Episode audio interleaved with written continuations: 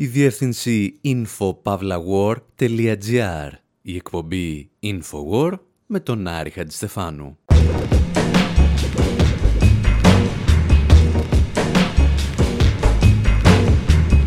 όπου σήμερα ακούμε το δεύτερο μέρος της συνέντευξης με τον καθηγητή του MIT, Noam Chomsky. Τον αφήνουμε να καταρρύπτει το μύθο ότι ζούμε σε ένα καπιταλιστικό σύστημα και σε μια δημοκρατία, γιατί αυτό που έχουμε λέει, καπιταλισμό δεν το λες και σίγουρα όχι δημοκρατία. Παρακολουθούμε τη γνώμη του για τον Μπέρνι Σάντερς, τον Άιζενχάουερ και τον ΣΥΡΙΖΑ, αλλά όχι αναγκαστικά με αυτή τη σειρά. Και ύστερα, αντί να κάνουμε βαθιστόχαστες αναλύσεις για το δημοψήφισμα στη Μεγάλη Βρετανία, το αποτέλεσμα του οποίου ήταν κρυστάλλινο σαν νερό πηγής, ακούμε τα δικά μας πειραγμένα τραγούδια για το Brexit. Ο Κέρτ Κόρμπιν κονταροχτυπιέται στη μουσική μας σκηνή με τους Ian Duncan Smiths, ενώ ο Μπόρισεϊ τα βάζει με τους Blair, από τον Τόνι Blair. Πρώτα όμως, ο Λέοναρτ Κοέν αναλαμβάνει εδώ να μας εισαγάγει στη σκέψη του Νόαμ Τσόμσκι.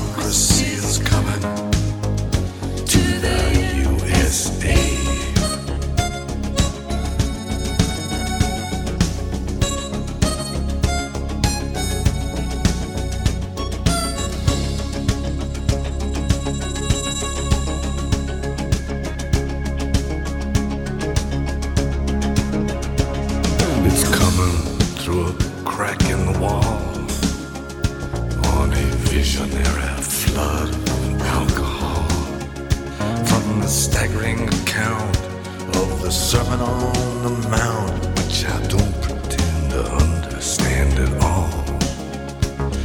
It's coming from the silence on the of the bay, from the brave, the bold, the battered heart of Chevrolet. Democracy is coming to the USA.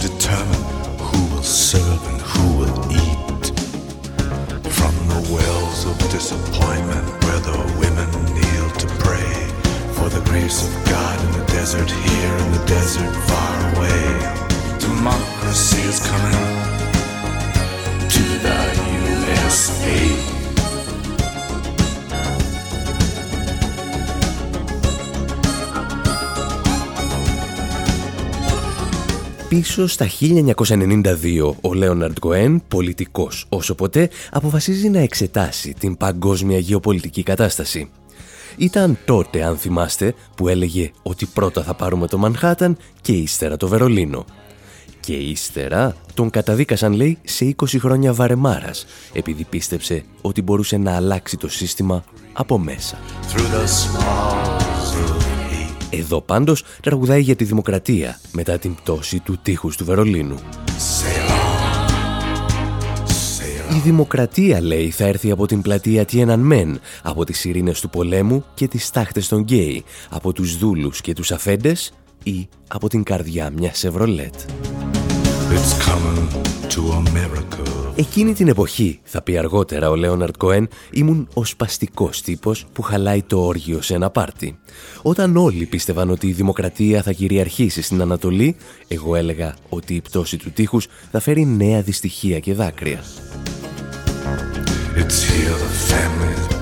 Με τον τρόπο του, ο Λέοναρτ Κοέν απαντούσε στη βεβαιότητα ορισμένων ανοήτων όπως ο Φράνσις Φουκουγιάμα ότι η ιστορία τελείωσε και φτάσαμε στην καλύτερη στιγμή της ανθρωπότητας, τη στιγμή της αστικής δημοκρατίας, τη στιγμή που ο καπιταλισμός παντρεύεται τη δημοκρατία και ζουν αυτοί καλά και εμείς καλύτερα. Σχεδόν ένα τέταρτο του αιώνα αργότερα, ο Νόαμ Τσόμσκι έρχεται να φέρει το λογαριασμό σε όσους πίστεψαν στο τέλος της ιστορίας και στην απόλυτη κυριαρχία της αστικής δημοκρατίας. Για δημοκρατία λέει ούτε να το συζητάτε, γιατί εν τω μεταξύ χάσαμε και τον καπιταλισμό. Τα εξηγούσε στην αποκλειστική συνέντευξη που παραχώρησε στον Νικόλαο Γρυσπολάκη. Πρέπει να αναγνωρίσουμε ότι δεν ζούμε σε καπιταλιστικές οικονομίες. Ζούμε σε οικονομίες που χρησιμοποιούν τον κρατικό πραγματισμό για την υποστήριξη ιδιωτικής εξουσίας και του πλούτου. Δείτε τους θεσμούς που, όπως λέτε, καταστρέφουν την Ελλάδα. Μήπως έβγαλαν κέρδος από αυτό; As you say, destroying Greece. Uh, how do they get their profit? Με το παράδειγμα της Ελλάδας, ο Νόαμ Τσόμσκι προσπαθεί μεταξύ άλλων να μας πει ότι δεν ζούμε σε μια καπιταλιστική οικονομία. Ξέρετε, σε αυτές στις οποίες θεωρητικά επικρατεί ο ισχυρότερος και ο αδύναμος συνθλίβεται. Γιατί σε μια τέτοια περίπτωση ο αδύναμος θα έπρεπε να είναι οι τράπεζες που έφτασαν στα όρια της χρεοκοπίας μετά το 2007 ανέθεσαν τη διάσωσή τους στο κράτος και σε εσάς, τους φορολογούμενους.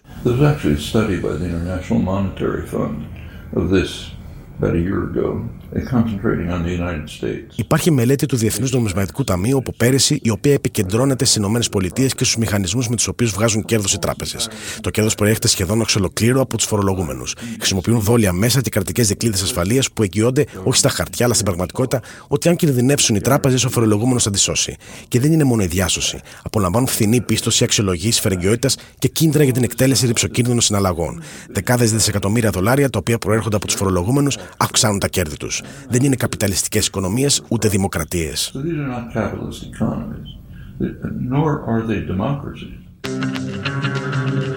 Το αν ο καπιταλισμός είναι ένα σύστημα που εξαρτάται από την ελευθερία των αγορών ή αν είχε πάντα το κράτος σαν το απόλυτο εργαλείο για την κυριαρχία του είναι μια μεγάλη συζήτηση. Ο Νόαμ Τσόμσκι όμως λέει κάτι πολύ απλό. Αυτό που ζούμε σίγουρα δεν ανταποκρίνεται στον ορισμό του καπιταλισμού που μας παρουσιάζουν. Όσο για τη δημοκρατία, μάλλον δεν υπήρξε ποτέ επί καπιταλισμού. Δείτε τις Ηνωμένες Πολιτείες, για παράδειγμα, όπου μελετώνται αυτά τα θέματα. Περίπου το 70% του πληθυσμού που στερείται δικαιωμάτων ανήκει στο χαμηλότερο 70% της κλίμακας εισοδήματος. Η στάση αυτή των ανθρώπων δεν επηρεάζει τις αποφάσεις των νομοθετών. Ουσιαστικά πρόκειται για πλουτοκρατία. Uh, the decisions are made. It's basically a plutocracy. Κουβέντες σαν και αυτές, έλεγε λοιπόν ο Νόαμ Τσόμσκι στη συνέντευξη που παραχώρησε στον Νικόλαο Γρεσπολάκη και την οποία θα βρείτε ολόκληρη στη διευθυνσή info.pavlawar.gr Και ύστερα η κουβέντα πήρε φωτιά γιατί ο Νόαμ Τσόμσκι άρχισε να μιλά για τον Μπέρνι Σάντερς στις Ηνωμένες Πολιτείες και τον ΣΥΡΙΖΑ στην Ευρωπαϊκή Ένωση. Ιστορίες για να ακούσουμε εντός ολίγου.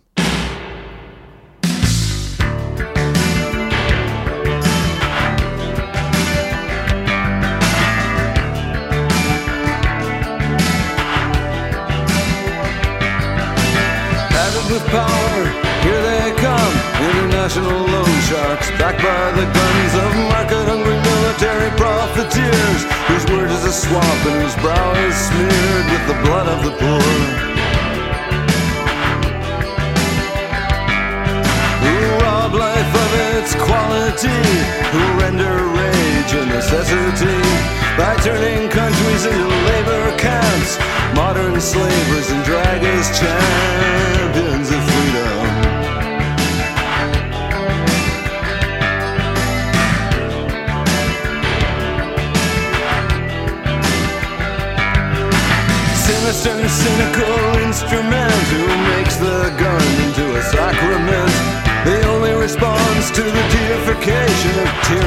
so-called developed nations, idolatry of ideology. North, south, east, west, kill the best and buy the rest. It's just spend a buck to make a buck. You don't really give a flying fuck about the people in misery.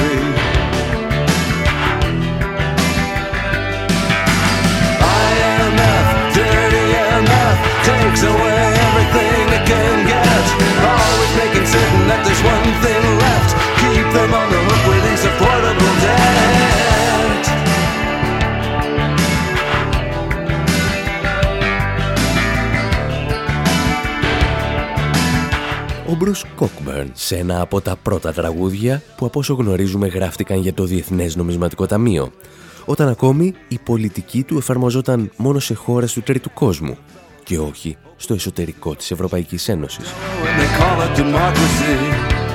Και εμείς σχεδόν ένα χρόνο μετά από ένα δημοψήφισμα που δεν άλλαξε τίποτα και μερικές ημέρες ύστερα από ένα άλλο δημοψήφισμα που υπόσχεται να αλλάξει την Ευρωπαϊκή Ένωση, ακούμε τον Νόαμ Τσόμσκι. Ο Νικόλαος Γρυσπολάκης τον ρώτησε την άποψή του για όσα συνέβησαν στην Ελλάδα τον τελευταίο χρόνο και αυτός απάντησε ως εξής. Uh, Greece is a special case. Uh, I, I mean, it's easy to criticize η Ελλάδα είναι ιδιαίτερη περίπτωση. Είναι εύκολο να πικρίνεις στο ΣΥΡΙΖΑ για συμβασμό και σαφώς έκανε πολλά λάθη, όπως λόγω χάρη ότι δεν είχαν έτοιμη εναλλακτική πρόταση. Ποιες επιλογές είχαν όμως; Η αντίδραση της Ευρώπης ήταν τόσο βάναυση που μπορούσαν να κάνουν ελάχιστα χωρίς άλλη στήριξη. Η πραγματική προδοσία για μένα δεν είναι από τον ΣΥΡΙΖΑ, αλλά από τα κινήματα ακτιβιστών των άλλων χωρών. Δεν είχαν στήριξη από την Πορτογαλία, την Ισπανία, την Ιταλία. Χωρίς υποστήριξη δεν μπορούσαν να εναντιωθούν στην παναυσότητα των γραφειοκρατών των Βρυξελών και των τραπεζών, η οποία ήταν ακραία. Επειδή η Ελλάδα τόλμησε να κάνει δημοψήφισμα, αύξησαν τη σκληρότητα των προγραμμάτων για να τιμωρήσουν τους Έλληνες που τόλμησαν να σκεφτούν ότι ο λαός μπορεί να έχει φωνή. Πρέπει να δείξουν στους λαούς της Ευρώπης ότι δεν έχουν φωνή.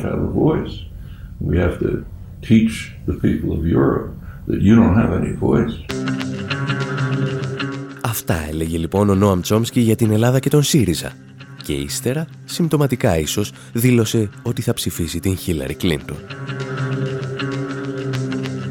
Γεγονός που μας φέρνει στις Αμερικανικές εκλογές και φυσικά στον Μπέρνι Σάντερς, τον πλέον ριζοσπαστικό υποψήφιο που γνώρισε η χώρα τον τελευταίο αιώνα. Ή μήπως όχι.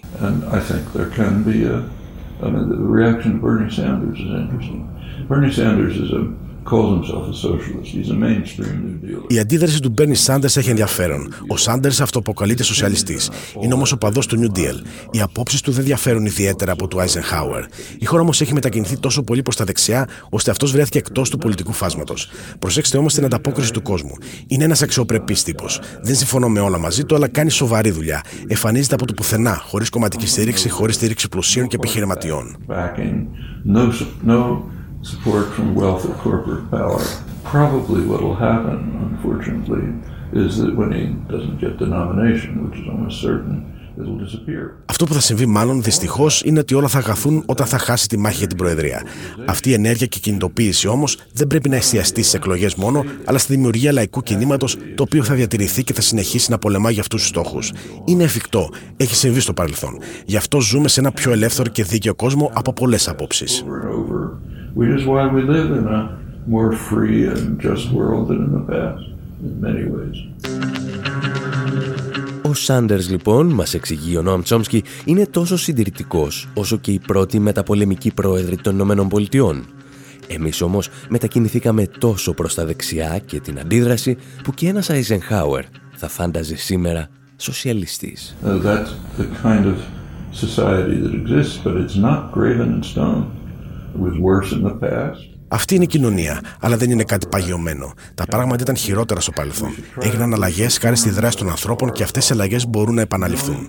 Εγώ όμως είμαι υπέρ αυτών των αλλαγών. Πρέπει να προωθούμε τη μεταρρύθμιση όσο γίνεται, γνωρίζοντας πολύ καλά ότι υπάρχει ταξικός πόλεμος από τους πλούσιους και ισχυρούς. Φυσικά δεν θα τα δώσουν όλα. Κάνουν μια υποχώρηση και συνεχίζεις από εκεί.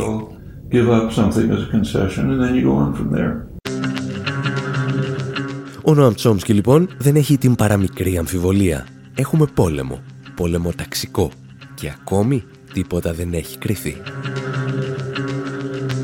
Όταν ο Νικόλαος Γρυσπολάκης τον ρώτησε «Και τι θα κάνουμε με τον κόσμο που απογοητεύεται», αυτός απάντησε με τρόπο που μας θύμισε το εξώφυλλο από το βιβλίο με τη βιογραφία του Λένιν που μόλις κυκλοφόρησε από τις εκδόσεις Μετέχμιο. Η απόγνωση, έλεγε ο Λένιν και διαβάζουμε στο εξώφυλλο, είναι φυσιολογική για αυτούς που δεν καταλαβαίνουν την αιτία του κακού, δεν βλέπουν καμία διέξοδο και δεν έχουν τη δύναμη να αγωνιστούν.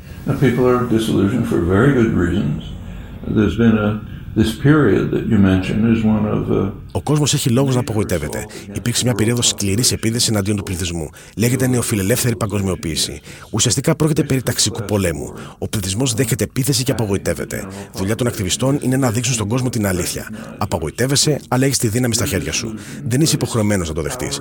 Μπορείς να κάνεις πολλά, όπως και στο παρελθόν, να αναλάβεις δράση και να προχωρήσεις. Undertake them and go ahead. Αυτός λοιπόν ήταν ο Νόαμ Τσόμσκι στη συνέντευξη που παραχώρησε στον Νικόλαο Γρυσπολάκη και την οποία μπορείτε να βρείτε ολόκληρη στη διεύθυνση info.pavlawar.gr Προς το παρόν πάντως μένετε εδώ, γιατί εμείς τραγουδάμε φάλτσα με νεξεδιά τα τραγούδια του Brexit.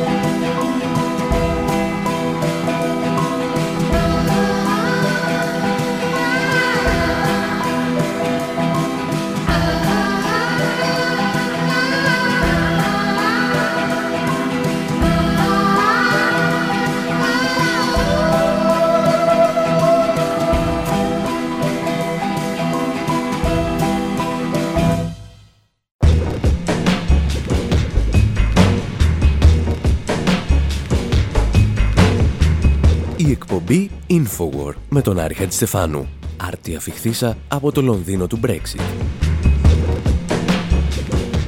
όπου αφού σας ενημερώσουμε ότι ο ουρανός δεν έπεσε στα κεφάλια των Βρετανών, το χρηματιστήριο που τόσο σας απασχολούσε μάζεψε τις απώλειές του σε τρεις ημέρες και η λίρα τραβάει την ανηφόρα, σκεφτήκαμε να σας πούμε και μερικά τραγουδάκια.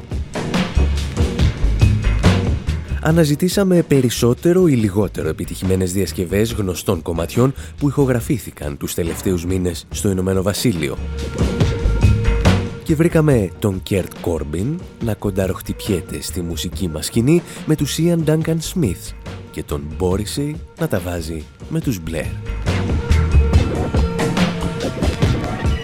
Πριν από όλα αυτά όμως θα ακούσουμε το τραγούδι που δημιούργησε για το δημοψήφισμα ο Τζον Όλιβερ από την εκπομπή Last Week Tonight. Ένα αγοράκι ντυμένο με τη σημαία της Μεγάλης Βρετανίας έχει κάτι να μας πει.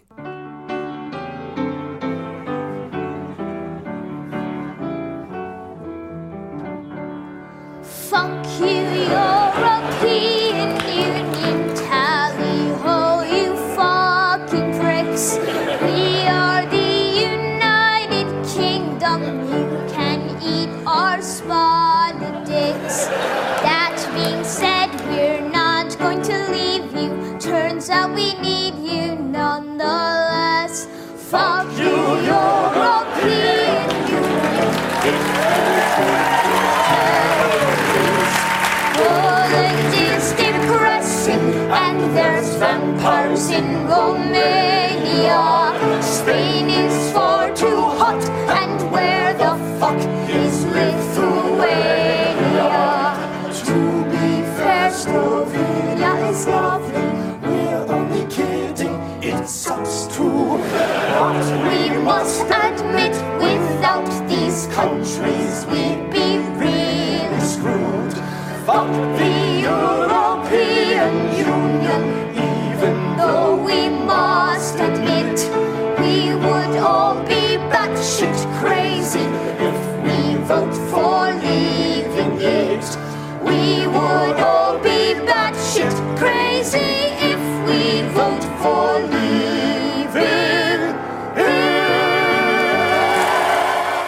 Πραγματικά προσέχατε τους στίχους του τραγουδιού και δεν μείνατε στο ρεφρέν, θα διαπιστώσατε ότι το κομμάτι ήταν σαφέστατα υπέρ της παραμονής της Βρετανίας στην Ευρωπαϊκή Ένωση, όπως άλλωστε και ο Τζον Όλιβερ. Ίσως γιατί ζει στο Μανχάταν και όχι στο βόρειο μεταβιομηχανικό Μάντσεστερ. Και εδώ είναι το σημείο όπου μια πολιτική εκπομπή θα ξεκινούσε το σχολιασμό για το τι πραγματικά συνέβη στο δημοψήφισμα της Μεγάλης Βρετανίας. Πολύ περισσότερο η συγκεκριμένη εκπομπή που την ημέρα που άνοιξαν οι κάλπες βρισκόταν στο Λονδίνο. Εμείς πάλι κρατήσαμε τις αναλύσεις μας στο τελευταίο τεύχος του περιοδικού Unfollow που κυκλοφορεί και εδώ, σήμερα, λέμε να κλείσουμε την κουβέντα με μία μόνο παρατήρηση. Τις περισσότερες φορές όταν οι πολλοί και φτωχοί αποφασίζουν κάτι, καλό είναι να βγάζεις το σκασμό και να τους ακούς. Γιατί όταν οι πολλοί και φτωχοί αποφασίζουν, έχουμε δημοκρατία. Και δεν το λέμε εμείς, το είπε ο Αριστοτέλης. Όταν πάλι αποφασίζουν οι πλούσιοι, αν και λιγότεροι σε αριθμό, έλεγε ο Αριστοτέλης, έχουμε ολιγαρχία και όσοι έχουν ζήσει σε χώρες όπου οι πολλοί και φτωχοί ζήτησαν κάτι με εκλογές ή δημοψήφισμα, αλλά τελικά πέρασε αυτό που ήθελαν οι λίγοι και πλούσιοι, ξέρουν να αναγνωρίζουν τις καλές ολιγαρχίες.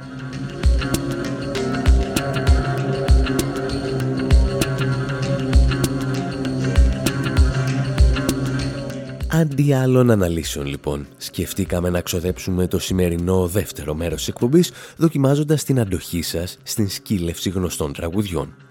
Και αρρωγή στην προσπάθειά μας θα είναι οι Smiths, για την ακριβιά οι Ian Duncan Smiths. Πρόκειται για μια παρέα από την Αγγλία που πρόσφατα ανέβασε στο ίντερνετ δύο άλμπουμ. Το Now That's What I Call Brexit και το Now That's What I Call Remain πήραν τα καλύτερα τραγούδια με τα οποία μεγάλωσαν οι τρεις τελευταίες γενιές Βρετανών και τους άλλαξαν τα φώτα. Όπως εδώ με το Hang the EU, σε ρυθμούς του γνωστού Panic, των Smiths. Brexit on the streets of London Brexit on the streets of Birmingham. I pandered to myself. We can be sovereign again. Away from ever closer union, I'd probably touch myself. Hope may rise as the weeks pass. Cause Brexiteers will get off their arse and they'll go out to the polling booth, no doubt. There'd be Brexit on the streets of Carlisle. Dublin, Dundee, Merseyside, I know I'd touch myself.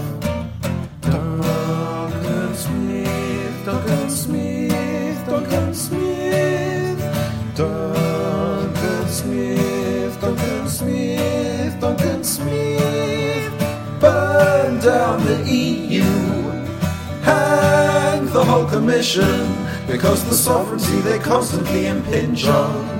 I don't see why we should put up with it. So hang the whole commission, because our sovereignty they constantly impinge on. And as an added retort, you can stick your treasury report. Hang the EU, hang the EU, hang the EU. Hang the EU, hang the EU, hang the EU, hang the EU. Σε αντίθεση με τους Smiths που μας ζητούσαν να κάψουμε την ντίσκο και να κρεμάσουμε το DJ, οι Ian Duncan Smiths προτείνουν να κάψουμε την Ευρωπαϊκή Ένωση και να κρεμάσουμε όλα τα μέλη της Ευρωπαϊκής Επιτροπής.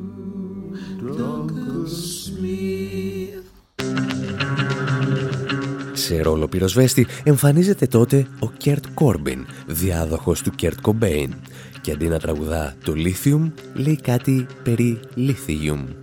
Πάντα όμως σε ρυθμούς Nirvana. Just go out there and say you love the EU. Okay, but I'm not happy about this. Here we go. I'm not happy Cause today I must explain why I remain feels so ugly. You may have heard I have my doubts from my brother Piers. Sunday morning I'll go on pest and well prepared. I'll comb my hair and I'll tell him we should stay for our own good. Yeah, yeah, yeah. Morning, Robert. Yeah, yeah, yeah. Listen to my brother. Bear in mind, he's just a weatherman, not a psychic. Yeah, yeah, yeah. Of course I love the EU. Yeah, yeah. Here's why. Yeah, yeah, yeah, yeah, yeah, yeah. I'm reluctant as my voting record shows what everyone knows. But my party is so split I can't afford any more discord. Once I campaigned against the EEC and the Maastricht and Lisbon treaties. Now I've got to play the game cause I'm in charge. Yeah, yeah, yeah. The EU protects you. Yeah, the Tories yeah, protect yeah, the 1%. Yeah, You have to stay in, yeah, warts and all. Yeah, yeah, yeah, yeah, yeah. Yes. Στο Lithium, ο Κέρτ Κόρμπιν παρουσιάζει όλα τα φιλοσοφικά προβλήματα που αντιμετώπισε ο ηγέτης των εργατικών Τζέρεμι Κόρμπιν. Αφού πέρασε τις περισσότερες δεκαετίες της ζωής του καταδικάζοντας την Ευρωπαϊκή Ένωση, βρέθηκε περικυκλωμένος από την ομάδα του Μπλερ και συμβούλους όπως ο Γιάννης Βαρουφάκης, που του έλεγαν να παραμείνει πάση θυσία στην Ευρωπαϊκή Ένωση. I'd miss EU if we jumped overboard. I love Και έτσι αυτός πρόδωσε την ιστορία του, την ιδεολογία του και κυρίως την τάξη του.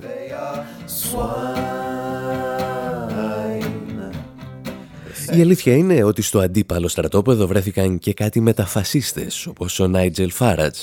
Εδώ ως μέλος του συγκροτήματος Farage Against the Machine στο UKIP in the Name. chill Farage. Hmm. You, you, you, kip, kip, kip, you, you, you, kip, kip, kip, you, you, you, kip, kip, kip, you, you, you, kip, kip, kip.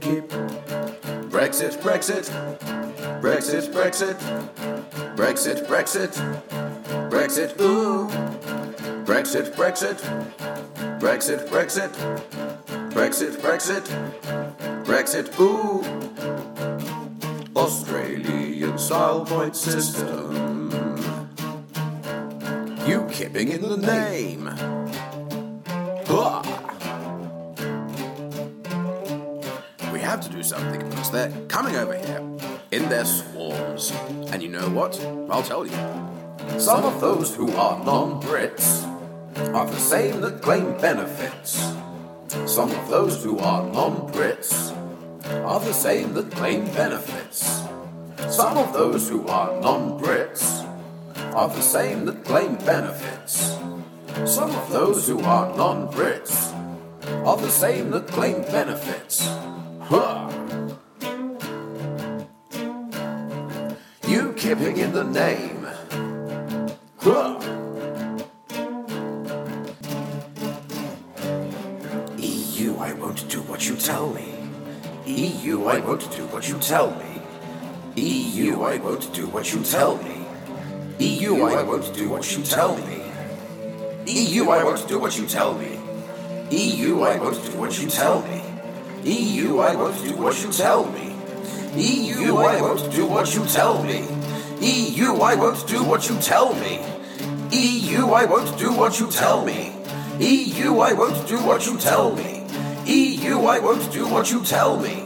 EU, I won't do what you tell me. EU, I won't do what you tell me. EU, I won't do what you tell me. EU, I won't do what you tell me. EU, I won't do what you tell me. EU, I won't do what you tell me. EU, I won't do what you tell me. EU, I won't do what you tell me. Κάποιοι από αυτούς που δεν είναι Βρετανοί είναι οι ίδιοι που ζητούν επιδόματα, τραγουδούν οι Farage Against the Machine. Και ο Νάιτζελ Φάρατζ, ο Άδωνης Γεωργιάδης της Μεγάλης Βρετανίας, βγήκε νικητής από το δημοψήφισμα. Όχι φυσικά γιατί 17 εκατομμύρια Βρετανοί ήθελαν να έχουν οποιαδήποτε σχέση μαζί του, αλλά γιατί αυτό υποστήριξε ότι συνέβη η Βρετανική αριστερά.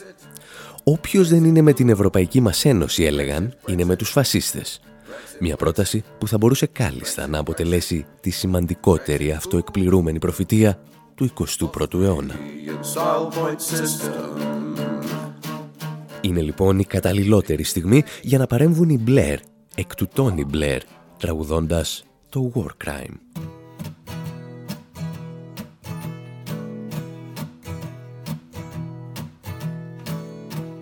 Tony, why don't you just shut up?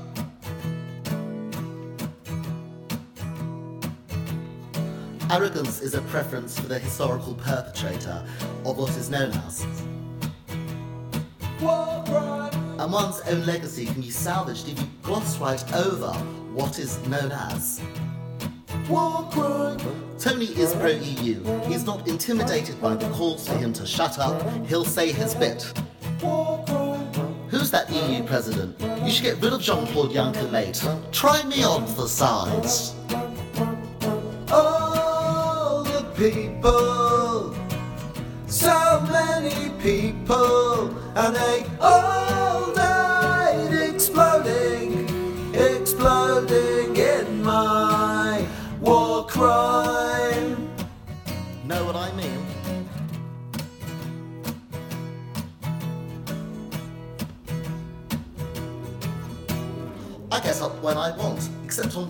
when I have to collect a big sack of money from JP Morgan.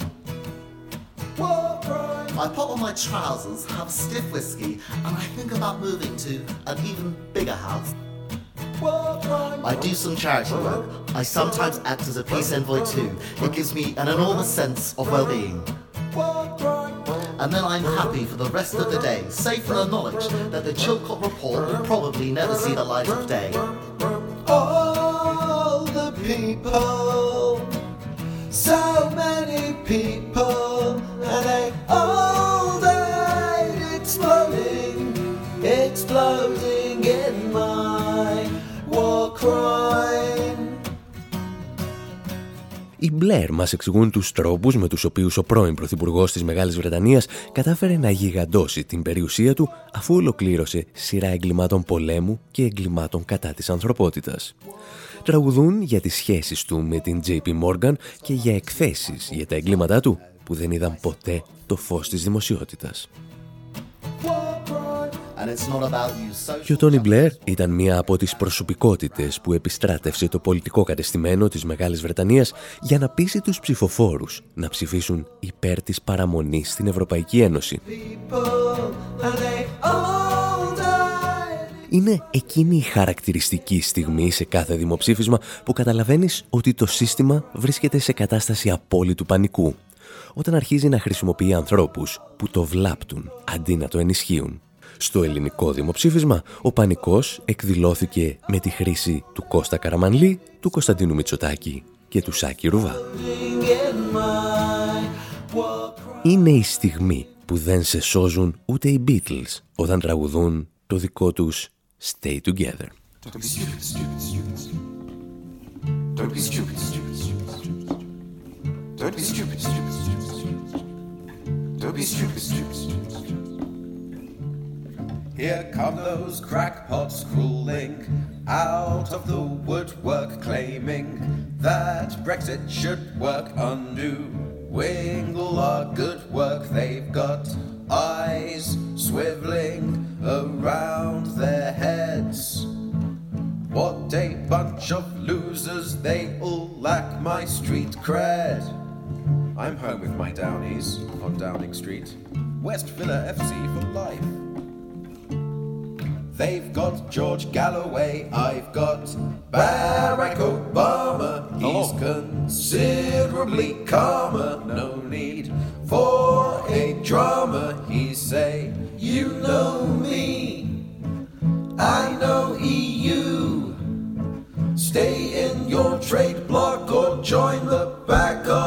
queue. Stay together right now just for me. Give me another shot at eating a hot dog. I'll use my hands this time. We bag production in the single market, and yes, we've earmarked it in our budget targets. We can renegotiate treaties. Got them on the ropes, yes, you can feel they're displeased. Stay together right now.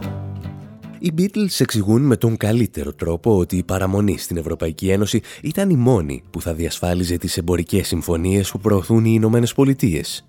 Γι' αυτό λέει, μείνε στο εμπορικό σου μπλοκ ή τράβα πίσω στην ουρά. Το δυστύχημα όταν το πολιτικό κατεστημένο της Βρετανίας καλούσε τις τελευταίες εφεδρείες του ήταν ότι δεν υπήρξε μια ισχυρή φωνή από τα αριστερά να διεκδικήσει το χώρο του υγιούς ευρωσκεπτικισμού. Και έτσι έμειναν να κυριαρχούν κάτι πολιτικοί γελοτοποί, όπως ο Μπόρις Τζόνσον, εδώ ως Μπόρισεϊ. Uh, hello everyone, this is Borisy, aka Marisi. Uh, shout out to my Eurosceptic uh, brethren, the Ian Duncan Smiths. you have never been in love until you've seen the stars of Brexit cinema. You have never been so starstruck until you've seen the names we've got in our campaign. Boris and Ian Duncan Smith. Ian Duncan, Ian Duncan Smith. Galloway Oh, and fucking Nigel Farage. But Boris was the first of the gang with a cunning plan. The first in the fray to go for the power play. Oh, yay. Boris was the first of the chaps to consider perhaps with my natural charisma the public would like me more. Than Cameron and Osborne. EU trade is overrated. I don't like being dictated to by the EU. We could branch out on our own, oppressors overthrown, left with their Eurozone. I'll be the captain of this ship. Not Galloway or Nigel Farage, cause Boris was the first of the gang with a cunning plan, the first in the fray to go for the power play. Oh, yay. Boris was the first of the chaps to consider perhaps with my natural charisma the public would like me more than Cameron and Osborne. See you, Paul. Ο Μπόρισε διηγείται τις ιστορίες του Μπόρις Τζόνσον, που πίστεψε ότι θα μπορούσε να ισορροπήσει στο κύμα του βρετανικού ευρωσκεπτικισμού και να γίνει ο επόμενος ένικος του αριθμού 10 της Downing Street. Ένα σχέδιο που απέτυχε παταγωδός, αφήνοντας τον πρώην κομικό και μετέπειτα κομικό δήμαρχο του Λονδίνου να αποχωρεί ήσυχα με το ποδήλατό του. It's fair to warn you. Κάπου εδώ όμως, εμείς φτάσαμε και για αυτή την εβδομάδα στο τέλος της εκπομπής. Αν θέλετε μία ελαφρώς πιο σοβαρή ανάλυση για την αριστερά και το Brexit, θα τη βρείτε στο περιοδικό Unfollow που κυκλοφορεί. Αν πάλι θέλετε μερικές ακόμη πληροφορίες για το ποιος έφτιαξε την Ευρωπαϊκή Ένωση και την Ευρωζώνη, θα τις βρείτε στο ντοκιμαντέρ This is not a coup, που επιστρέφει στους θερινούς κινηματογράφους ένα χρόνο μετά το δημοψήφισμα. But Boris was the Στις 6 Ιουλίου θα μας βρείτε στον κινηματογράφο Δεξαμενή στην Αθήνα και οι επόμενες προβολές θα ανακοινωθούν σύντομα στο site thisisnotacoup.com Boris was the first of Μέχρι τότε πάντως, από τον Άρη Χατζηστεφάνου στο μικρόφωνο και τον Δημήτρη Σαθόπουλο στην τεχνική επιμέλεια, γεια σας και χαρά σας.